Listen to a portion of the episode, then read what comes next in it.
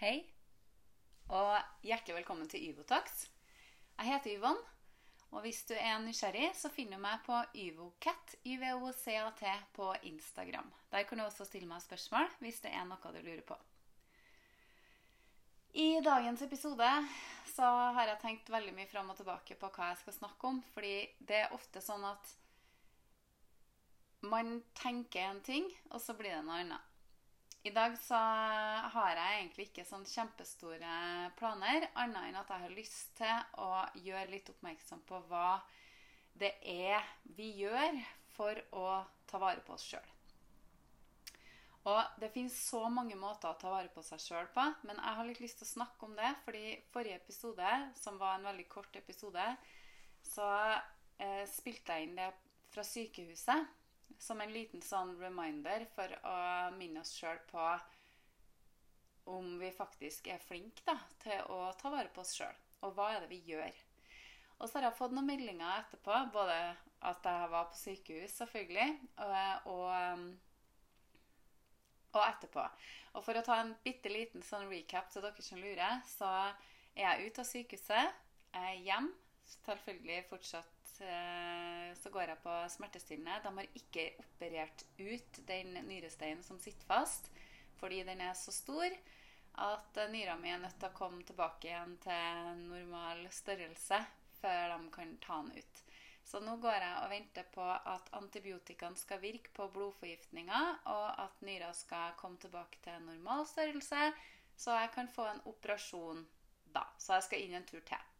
Men Fram til da så har de passa dem godt på meg. Jeg har fått eh, godt med både antibiotika og smertestillende og ja, det ene med det andre. Så jeg overlever godt. Og jeg føler at det er en grunn for det. da. Det er en grunn for at jeg på en måte får beskjed om å gå hjem og ta vare på meg sjøl. Eh, og det var som jeg sa i den episoden, så var det helt livsviktig for meg å komme tilbake til Eller å komme på sykehuset og få nesten et lite sånn slag i ansiktet. Der jeg fikk et lite sånn Hei, tar du egentlig vare på deg sjøl, Ivan? Er du hva er, det, hva er det du gjør som er bra for hjertet ditt? Som er bra for kroppen din, for sinnet ditt? Og mens jeg lå på sykehuset, så fikk jeg en del sånne aha-opplevelser. Både i form av hvordan jeg kommuniserer med andre mennesker, og ikke minst hvordan jeg kommuniserer med meg sjøl. For jeg tror det er der det starter til oss alle. Det starter med kommunikasjon.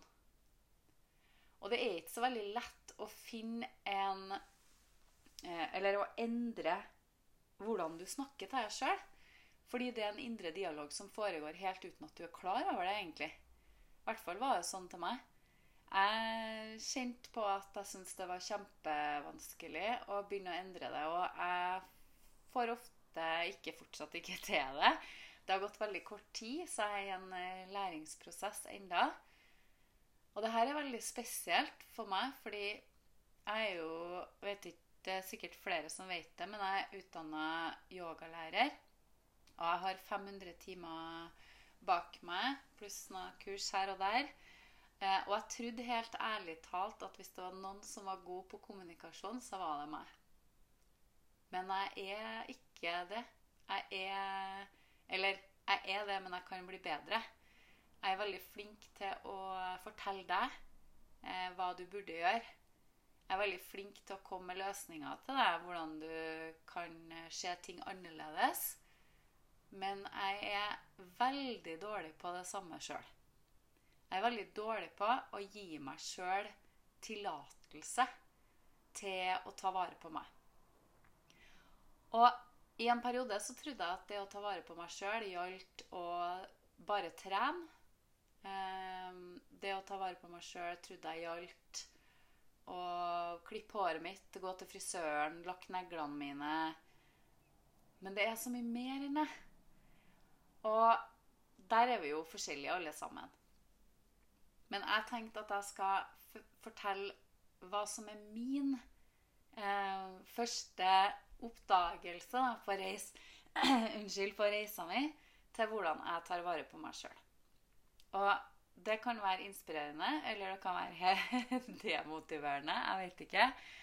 Men jeg har lyst igjen til å minne på at hvis du syns det her er gørr, dørr, dønn kjedelig, skru av, da. Skru av og gjør noe som eh, du syns er kult. Hvis ikke, så følger du meg videre. Jeg har ingen eh, bakgrunn i å fortelle det jeg gjør, at det har noe bevis på noen ting som helst. Jeg er ikke interessert i en diskusjon rundt det. Jeg har bare lyst til at du skal ta noe ut av det, og enten bruke det til noe du kan, eller la det ligge. Det første jeg gjør når jeg våkner om morgenen, det er en veldig viktig ting. Det er også hvis du er alene. Hvis du er alene, eller hvis du har kjæreste, uansett, ønsk deg sjøl og den du eventuelt ligger ved siden av, god morgen. Det er det viktigste du starter dagen med. Det er en god strekk og god morgen. For god morgen, den er undervurdert. Jeg skal ikke gå inn på den, men en god morgen, det vil vi gjerne ha. Sant? Start der. Etter det så har jeg nå mine greier. Må som regel en tur på Hva er det de sier? På sånne fancy filmer der man er så vakker og fin. Powder room. Ja, jeg må på do, for jeg holder alltid på å tisse meg ut. Sånn skikkelig. Når jeg våkner. Det er ofte at jeg våkner av at jeg holder på å tisse meg ut, og da har jeg ikke tid til å gjøre noe annet enn å springe på do. Men jeg sier alltid 'god morgen'. God morgen, og så må jeg på do. og du kan si det til deg sjøl, selv, selv om du er alene om morgenen. Strekk deg og si 'god morgen'. Det er viktig.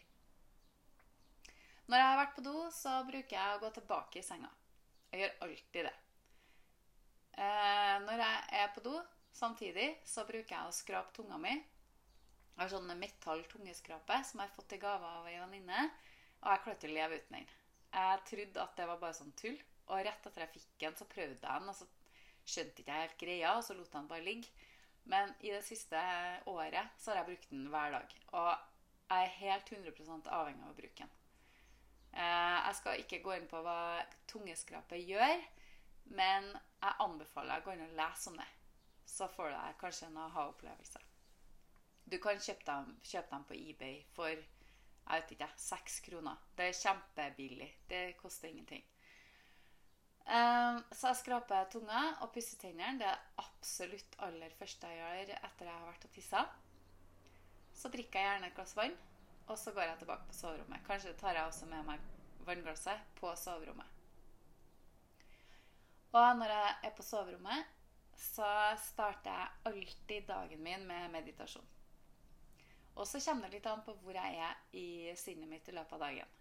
Hvis jeg merker når jeg våkner at jeg er litt sånn irritert, litt sånn Jeg gidder ikke. Jeg vil ikke meditere. Jeg har ikke lyst. Da kan det faktisk hende at jeg tvinger meg sjøl til å sitte i 20 minutter.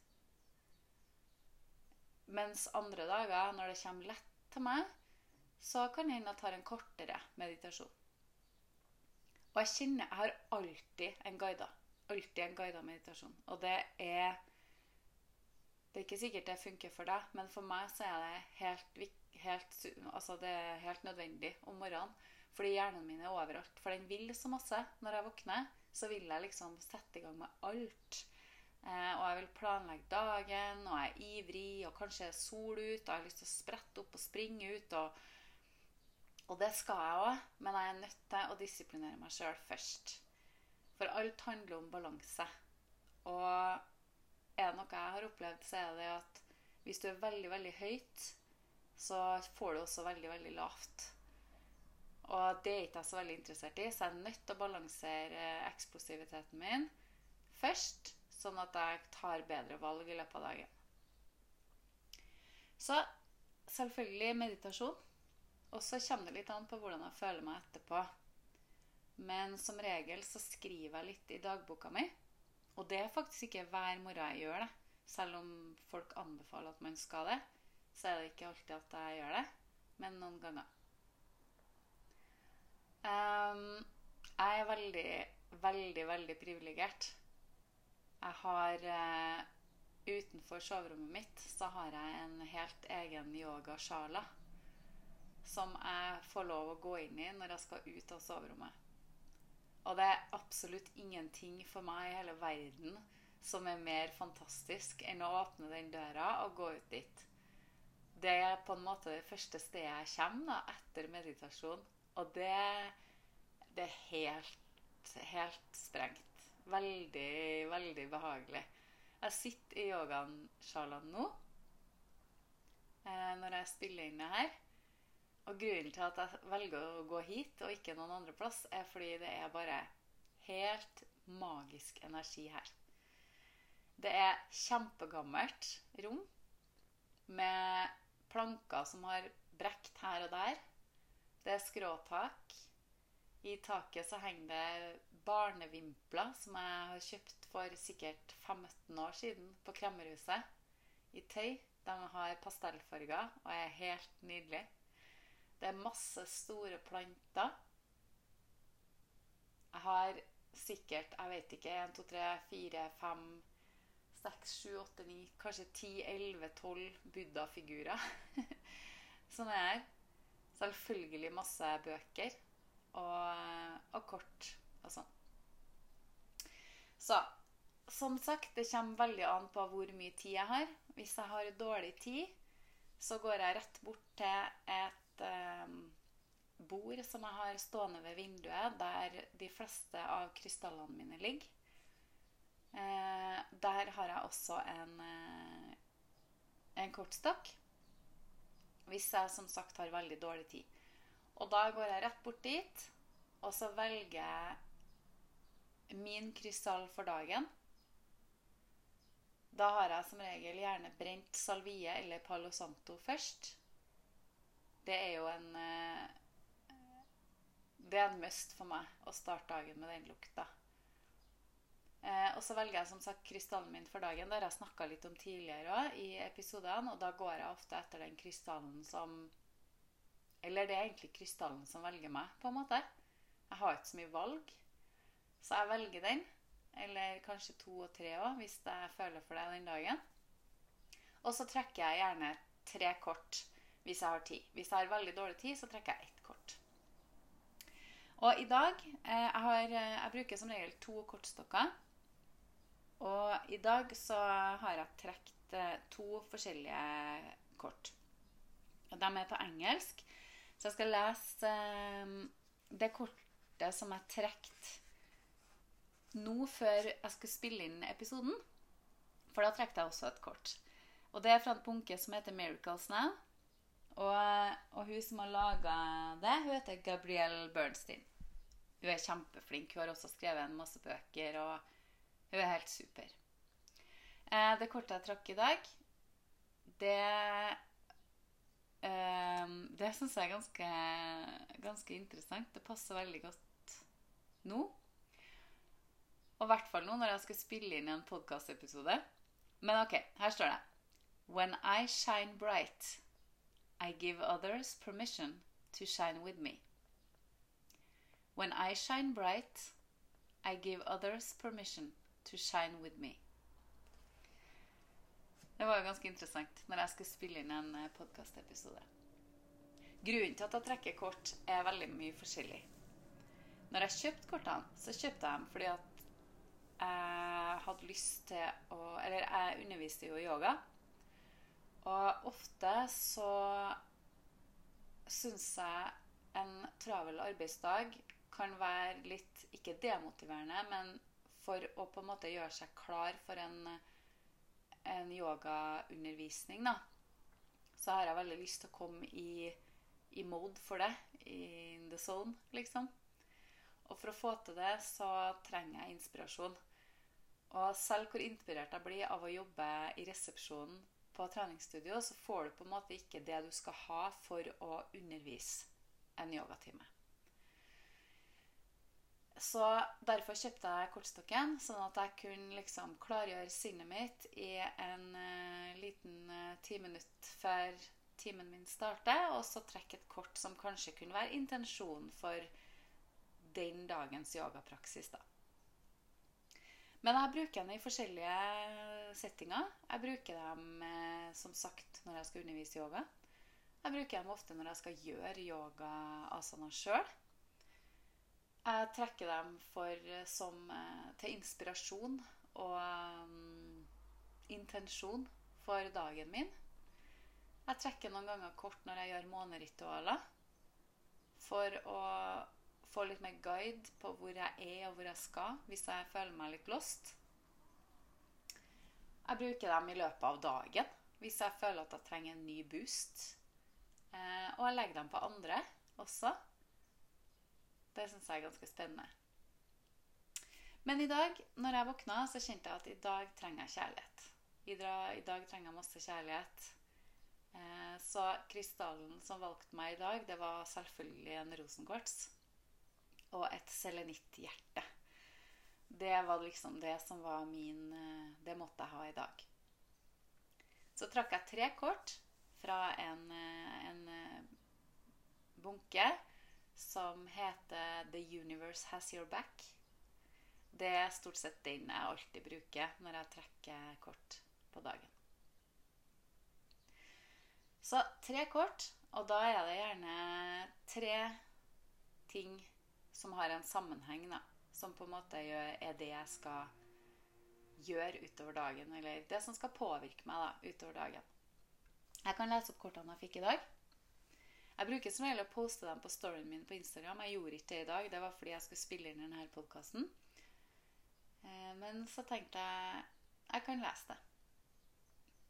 På det første kortet jeg trakk, så Egentlig så må du se kortstokken òg, fordi den er så fin. Det er kunst på den. Det er malinger, maleri. Helt nydelig. Den er vakker. Den første jeg trakk, den har litt sånn oransje, brun, beige og hvit, lys gul farge. Og her står det When I accept the love of the universe as my primary teacher, I will always be guided back to the light.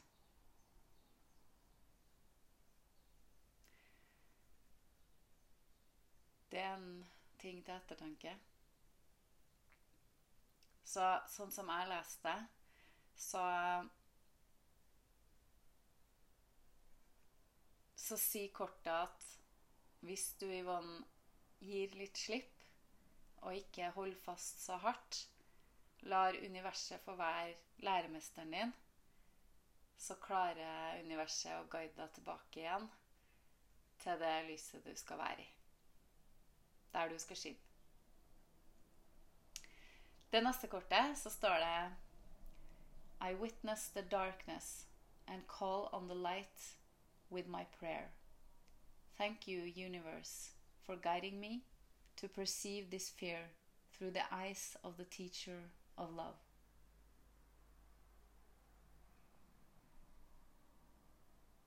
Ja, det er kjempeinteressant. Det er jo litt sånn det er jo der jeg på en måte har vært. Jeg har vært eh, veldig dårlig til å ta vare på meg sjøl. Og jeg vil si at jeg har vært eh, ganske langt ned psykisk uten at jeg har visst det, egentlig. Og det har gått fysisk utover meg. Eh, jeg har vært i mørket. Og, og, det er jo på en måte der Det er jo det kortet sier. At hvis jeg er i mørket og roper på lyset, på en måte, eh, så guider universet meg tilbake og eh, lære meg kjærlighet på nytt igjen, på en måte. Kjærlighet til meg sjøl. Det tredje kortet er jo Det er helt snedig, for det er litt sånn Det første kortet er litt sånn Det er der du Det er på en måte visdomsordet ditt som du får nå. Det andre kortet representerer for meg da eh, hvor jeg har vært, og hva jeg er på tur ut av. Og det tredje kortet er på en måte det jeg skal gjøre. Så det siste kortet så står det When I think I've surrendered, I surrender more. Så når jeg tror at jeg har eh, hengitt meg sjøl helt, så har jeg enda mer eh, hengivelse å, å gi, da. Og det betyr jo for meg at jeg lærer, jeg lærer noe nytt hele tida. Jeg lærer noe nytt hver dag. Og når jeg tror jeg har lært noe nytt, så kommer det nye lekser som jeg skal lære. Men jeg er flink da, til å på en måte ta leksene og gå videre. Eh, jeg snakka litt eh, innledningsvis om når jeg lå på sykehuset, at jeg satte meg noen sånne regler. Og, og det jeg, jeg vet ikke om jeg alltid har vært sånn, men jeg kan huske tilbake ganske langt at jeg har vært sånn en stund i hvert fall. At når jeg virkelig bestemmer meg for noe, sånn virkelig, så er det ikke noe vei utenom. Det er på en måte og, og, det er ikke sånn at jeg må si det til andre, eller si f.eks. hvis du Skal vi se, hva kan vi ta som eksempel, da? Jo, vi kan ta røyk. Røyk, f.eks. Hvis du røyker, da. Si hvis du røyker, for det kan jeg relatere til, for det har jeg gjort før. Så si hvis du røyker, så har du lyst til å slutte å røyke. Og du har jo egentlig lyst til å slutte å røyke. Alle som røyker på et eller annet tidspunkt, har jo lyst til å slutte å røyke. Jeg hadde ikke lyst til å slutte å røyke når jeg røyka. Men jeg visste at jeg måtte, fordi det var ikke bra for meg. Og det lukta ikke noe særlig godt. Så på et eller annet vis så hadde jeg jo lyst til å slutte å røyke. Men for å komme meg dit jeg skal Så hvis du har lyst til å slutte å røyke Og det her er jævla kjipt å si, for det er det. Men jeg har vært der sjøl, tro meg. Jeg blir 42 år i år. Og jeg kan i hvert fall si at jeg røyka 20 år i løpet av uh, livet mitt. Uh, det er bare å slutte. Det da. det. Som er at røyken er en avhengighet. Og det er ikke sånn at du nødvendigvis Ja, så er du avhengig av nikotin og alt det her, men det er ikke det som er avhengigheten din. Avhengigheten er noe annet. Og det er først når du skjønner det, det er først når du på en måte er villig til å dykke dypere inni deg sjøl, at du faktisk klarer å slutte å røyke. Og jeg tror nok at sikkert sånne selvhjelpsgreier kan funke, og at du kan gå på jeg vet ikke hva heter det for noe, sånne kurs og alt mulig for å få og hypnose og alt det her. Det kan helt sikkert hjelpe deg, men det hjelper ikke deg med å ta bort rota til det som faktisk er problemet. Og du vil kunne savne røyken 100 etterpå. Ok, som for eksempel eh, La meg ta et annet eksempel. Det er absolutt ingen hemmelighet at jeg er glad i et godt glass vin. Jeg er veldig glad i å ta meg et glass vin. Og jeg drikker vin ganske ofte. Eh, jeg vil si kanskje nesten hver dag et glass vin. Jeg drikker meg aldri full. Jeg drar aldri på fester eller noe sånt. Men jeg er veldig glad i å nyte et glass vin. Og spesielt på sommeren når det er sol og fuglene kvitrer og du kan være ute sene kvelder. Nå når jeg går på antibiotika, så kan ikke jeg drikke alkohol. Og jeg trodde helt ærlig talt at det kom til å være et sykt, kjempestort problem for meg. Jeg trodde at det kommer til å ødelegge alt. Det kommer til å ødelegge helgene mine, det kommer til å ødelegge kveldene mine. Det kommer til å ødelegge alt for meg for at jeg ikke får lov å ta den, det vinglasset i sola. Men det gjør ikke det. Og jeg legger merke til at det gjør meg ingenting. Det er helt OK. Jeg fyller opp et glass med vann med kullsyre med ferskensmak, eller jeg lager meg en annen, en morsom kopp te eller en gøy kaffekopp eller Det gjør meg faktisk ingenting. Og jeg har det kjempekoselig. Det var veldig rart.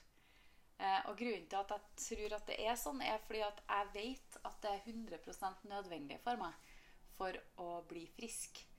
Det er en del av healing-prosessen min for å få lov å bli eh, for å, for å ta vare på meg sjøl, rett og slett.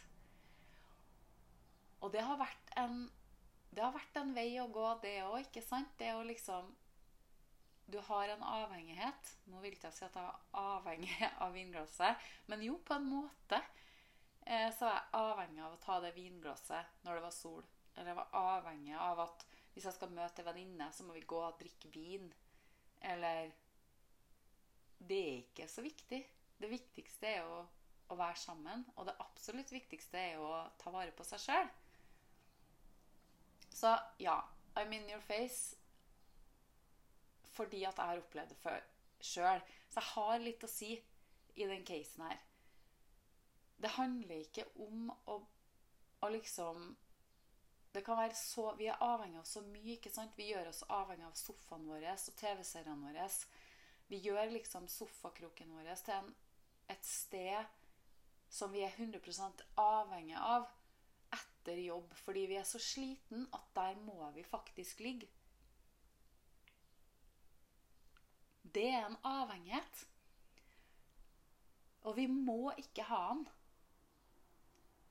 Det å liksom gjøre seg avhengig Jeg tror det å være avhengig er noe vi aldri kommer bort ifra. Men det handler om å velge eh, hvilke avhengigheter vi skal ha, og hva er det som er godt for oss. Så når jeg var på sykehuset, så fikk jeg et litt annet perspektiv på ting. For jeg kjente at jeg syns ikke det er noe kult å være 42 år og få blodforgiftning og nyrestein. Selv om det ikke er det mest alvorlige tingene du kan ha, så kan det lede til mer alvorlige ting seinere. Og i og med at jeg er ei voksen dame, så er det veldig viktig å ta de riktige valgene for kroppen. Fordi kroppen min kommer seg ikke like fort nå som den gjorde når jeg var 19. Det er, jeg kan ikke bare ødsle med livene mine sånn som jeg kunne før. Jeg er nødt til å reflektere og tenke. Fordi jeg fortjener det. Og derfor så ble jeg veldig sånn Oi, shit, hva skal jeg gjøre nå? Um, og så har jeg alltid vært sånn. Og jeg vet at det er veldig mange som er sånn. Jeg har flere venninner som tenker sånn. Og jeg har vært nummer én til å tenke sånn. Når helga kommer, så skal jeg unne meg godteri. Jeg skal unne meg smågodt, for det fortjener jeg faktisk. Og jeg har vært sånn. Jeg fortjener å spise ostepop. Jeg fortjener eh, å drikke øl. Jeg fortjener, jeg fortjener. Gjør du det? Har du vært så slem at du fortjener å forpeste kroppen din med giftstoffer fordi at du fortjener det? Jeg begynte å tenke sånn jeg ble veldig sånn Hæ, hva jeg tenker nå? Hvorfor tenker jeg i den retningen her? Vi bor i Norge. Det er kaldt her. Vi blir stive i leddene på vinteren. Nå går vi inn i ei tid som er helt fantastisk. Det er varmt, det er sol, fuglene kvitrer, og det er absolutt ingen sted i verden som er vakrere enn å være i Norge når det er sol og sommer. Vi har jordbær som smaker mer enn noen andre plass i hele verden. Vi har så mye bra, kule frukter som vi kan spise, og som er sunn og helt sinnssykt god for oss. Det øker fordøyelsen vår. Det hjelper til med organene våre. Og vi blir ikke daff, tung og vi forpester ikke kroppen vår med gift. Jeg syns jeg fortjener det. Jeg syns at jeg er en bra person, og jeg syns at jeg fortjener å gi kroppen min også det den fortjener, fordi den har gjort en så bra jobb. Kroppen min har født tre barn. Den har båret frem tre barn.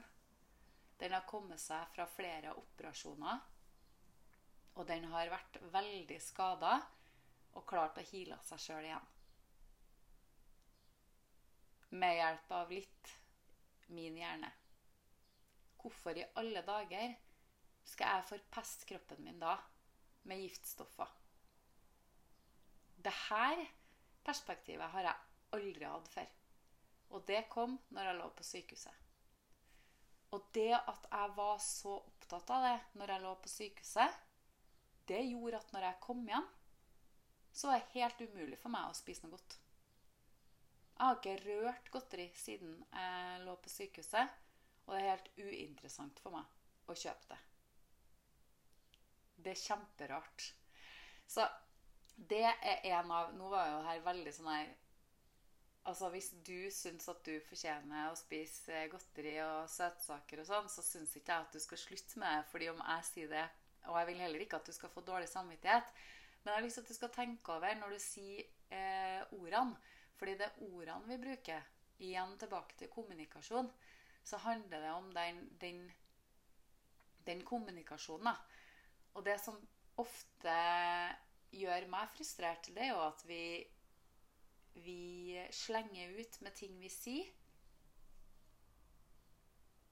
Og så Det er jo sånn her ordtak eh, Hvem er det som sa det? Ja, her er det. Jeg har det faktisk i en bok her. Eh, det er et ordtak som sier They may forget what you said, but they will never forget how you made them feel. They may forget what you said, but they will never forget how you made them feel. Og det er sånn derre Det frustrerer meg veldig at vi er så brå og hard mot oss sjøl. Vi stiller oss sjøl ekstremt høye krav, og det her hører vi hele tida. Vi hører det i selvhjelpsbøker, vi hører det på podkaster. Vet ikke hvor mange ganger Tony Robins har sagt det her. Og jeg skal ikke fortelle dere om hva jeg føler om han. Men, men jeg syns at vi må, vi må tenke litt mer igjennom jeg, Og det jeg skulle si, var at det er ingenting som frustrerer meg mer enn at folk vil være uviten. Vil spille på uvitenhet, da. Det er veldig sånn Jeg driter i det. Jeg bryr meg ikke om det. Jeg vil ikke For eksempel Jeg spiser jo ikke kjøtt. Eh, og, og, så Jeg vet ikke hvorfor det er en ting, men det er tydeligvis en ting. Folk syns at det er en greie med at folk ikke spiser kjøtt. Eh, det er ikke sånn at jeg blander meg borti hva noen andre spiser, men hvis jeg ikke spiser kjøtt, så skal folk ha en mening om hvorfor jeg ikke spiser kjøtt. Det er kjemperart. Um, og jeg husker det var jo en issue til og med på sykehuset. Men i hvert fall da, poenget mitt det var For noen år siden så, så jeg filmen til hun Norunn om de grisene. Og det hadde ingenting med at jeg ikke spiser kjøtt å gjøre, men jeg husker at etter det så Det var så sterkt inntrykk på meg, da, den dokumentaren. Og jeg husker jeg snakka om det med folk, og folk var sånn Nei, den vil ikke jeg se. Jeg gidder ikke å se den eh, filmen, jeg. Jeg orker ikke. Og bare OK, det er nå ditt valg. Ja, men jeg vil ikke se den, fordi jeg vil ikke Jeg orker ikke jeg orker ikke å slutte å spise kjøtt. Jeg gidder ikke. Jeg vil ha ribbe på julaften, liksom. Jeg gidder ikke å se den, for da vet jeg at jeg kommer ikke til å spise kjøtt etterpå. Og da ble jeg sånn OK. Så faktisk så har det en innvirkning på deg. Det har en empatisk innvirkning på deg. For meg så er det jo helt OK om du spiser kjøtt, så lenge du vet at de blir sparka og slått og kasta i veggen. De blir drept, de blir produsert for mat for deg, og du syns det er OK, så er jo det helt OK. Jeg skiter nå vel oppi det. Og det tror jeg alle andre gjør òg. Men hvis du går inn i det på butikken og kjøper en vakuumpakka kjøttdings, og du ikke engang vet hvordan den har blitt behandla, eller, eller og du driter en lang en oppi her, da kan du i hvert fall ikke komme og fortelle meg at du bryr deg noe om hva du putter i kroppen din. Fordi det vet du faktisk ikke. Sånne ting blir jeg litt sånn Da blir jeg kjenne at da blir jeg, det er veldig motstridende. Og det har med dårlig kommunikasjon å gjøre. Åpenhet og ærlighet er kjempeviktig for å få ting til å fungere i, i livene våre. Og jeg tror veldig mye av grunnen til at vi opplever det vi gjør i hverdagen vår, eh, ikke bare her i Norge, men i alle, alle land som fins på denne kloden Krig, sult, fattigdom, voldtekt, overgrep Alt vi opplever. Det er ikke fordi at noen er født ond. Det er av uvitenhet. Uvitenhet, utrygghet og usikkerhet. Og jeg mener at når vi har vært så heldige at vi har fått et liv på denne planeten, så er det minste vi skylder universet tilbake, er faktisk å sette oss inn i hvorfor vi er her. Hva er det Og hva kan vi gi tilbake? Men vi er Dessverre så havner vi ofte i en, et sånt spor der vi slenger ut med alt vi tenker mener og føler til enhver tid, og så tar vi ikke konsekvensen av hvordan det føles. Eller motsatt òg. Vi sier absolutt ingenting. Vi sier ingenting, for vi vil ikke ta del i noe. Vi vil ikke være en del av, av kaoset. Og alt dette går tilbake til det å ta vare på seg sjøl. Fordi for at du skal få til å ta vare på deg sjøl, så er den indre dialogen din det viktigste verktøyet du har. Hvordan kommuniserer du med deg sjøl? Og ikke bare hvordan du ser på deg sjøl i speilet. Ikke bare hvordan du ser ut i den fysiske kroppen din. Men hva sier du til deg sjøl? Hvor mye bekymra er du i løpet av eh, en uke, f.eks.? Og hvor kommer bekymringene dine ifra? Og hvilke um, Hva heter det? Hvilke um, mål har bekymringene dine? Hva hjelper dem for? For eksempel.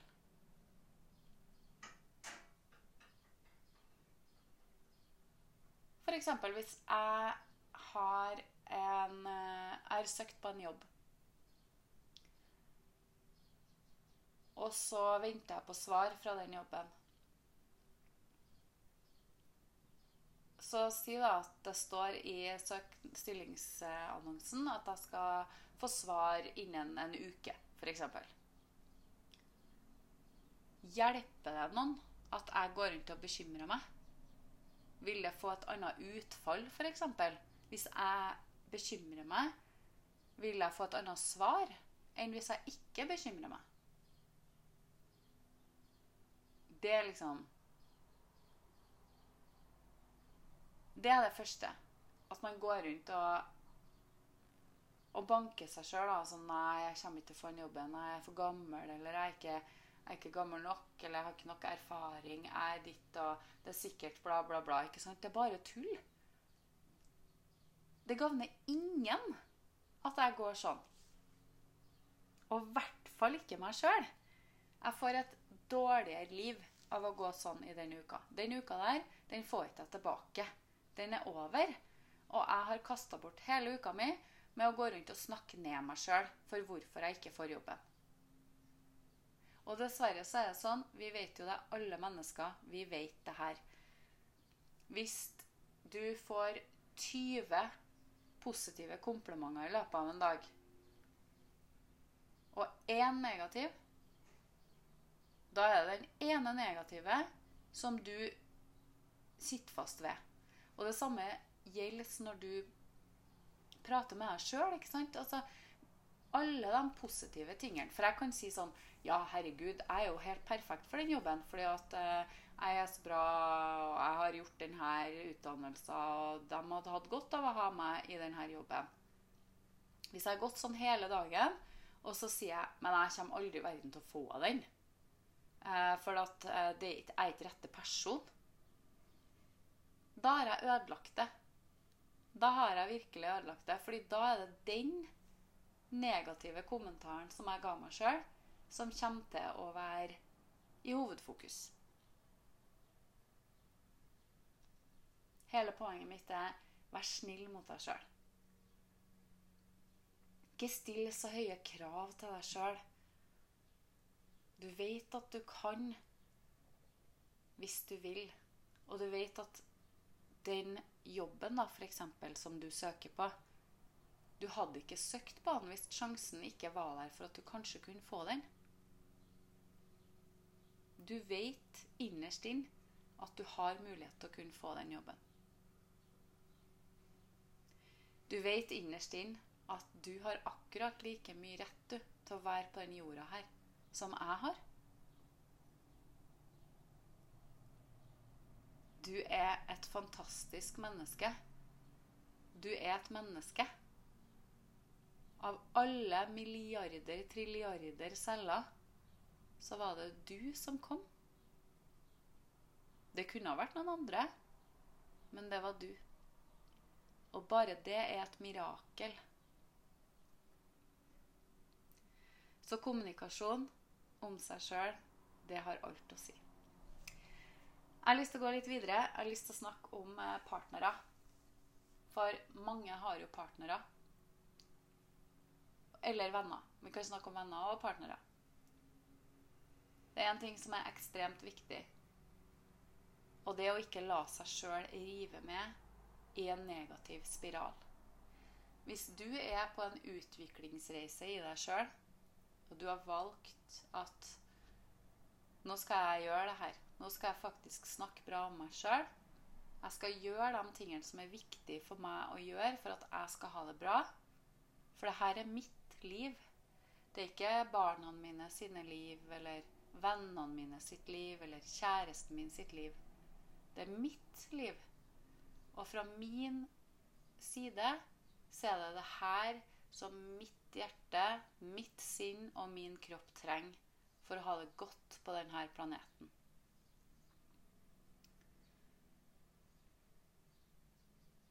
Så kommer, sier partneren din da, hjem fra, dag, fra arbeidsdagen sin, eller de ringer deg i løpet av dagen.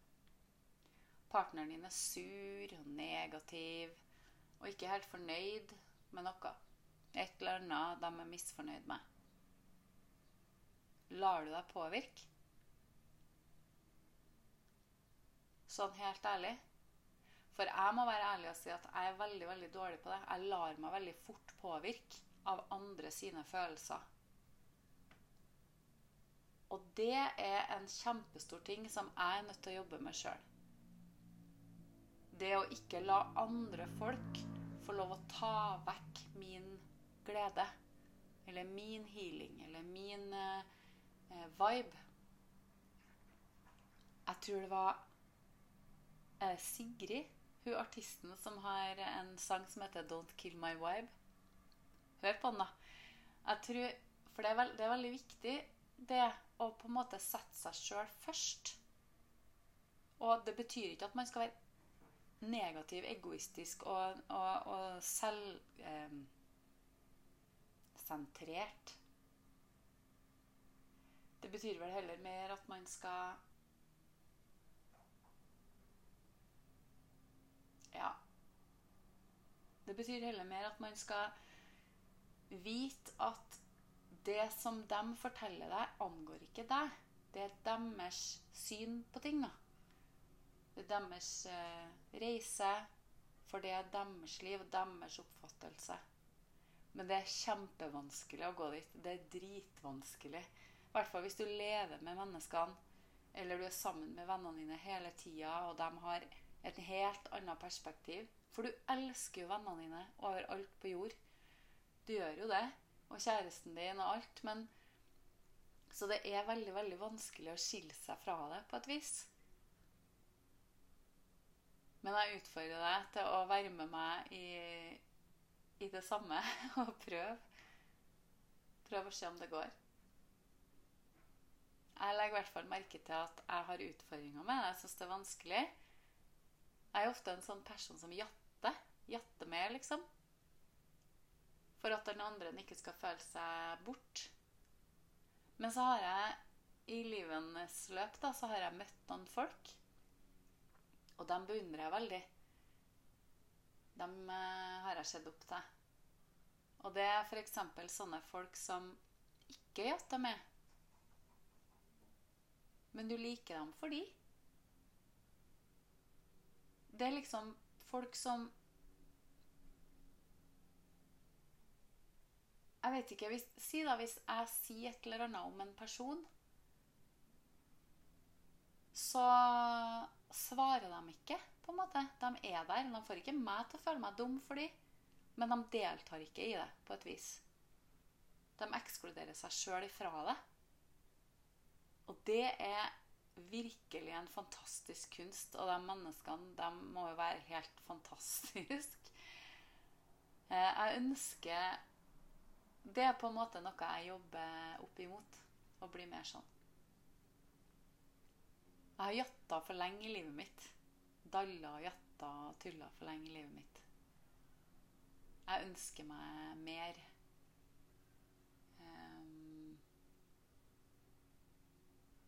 Jeg ønsker meg mer ro. Jeg ønsker meg mer um, eh, Hva skal jeg si?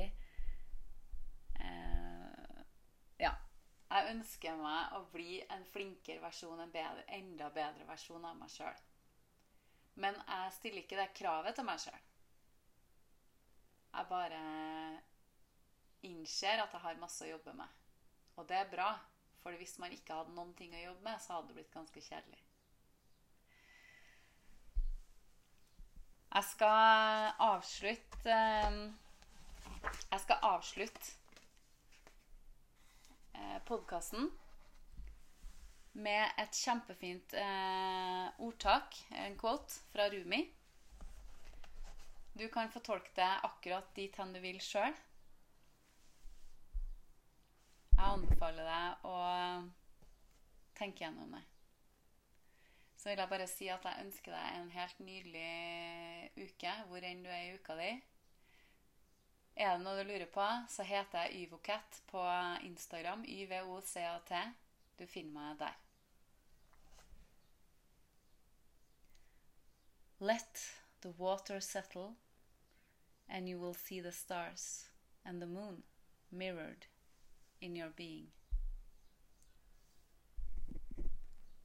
Let the water settle, and you will see the stars and the moon mirrored in your being.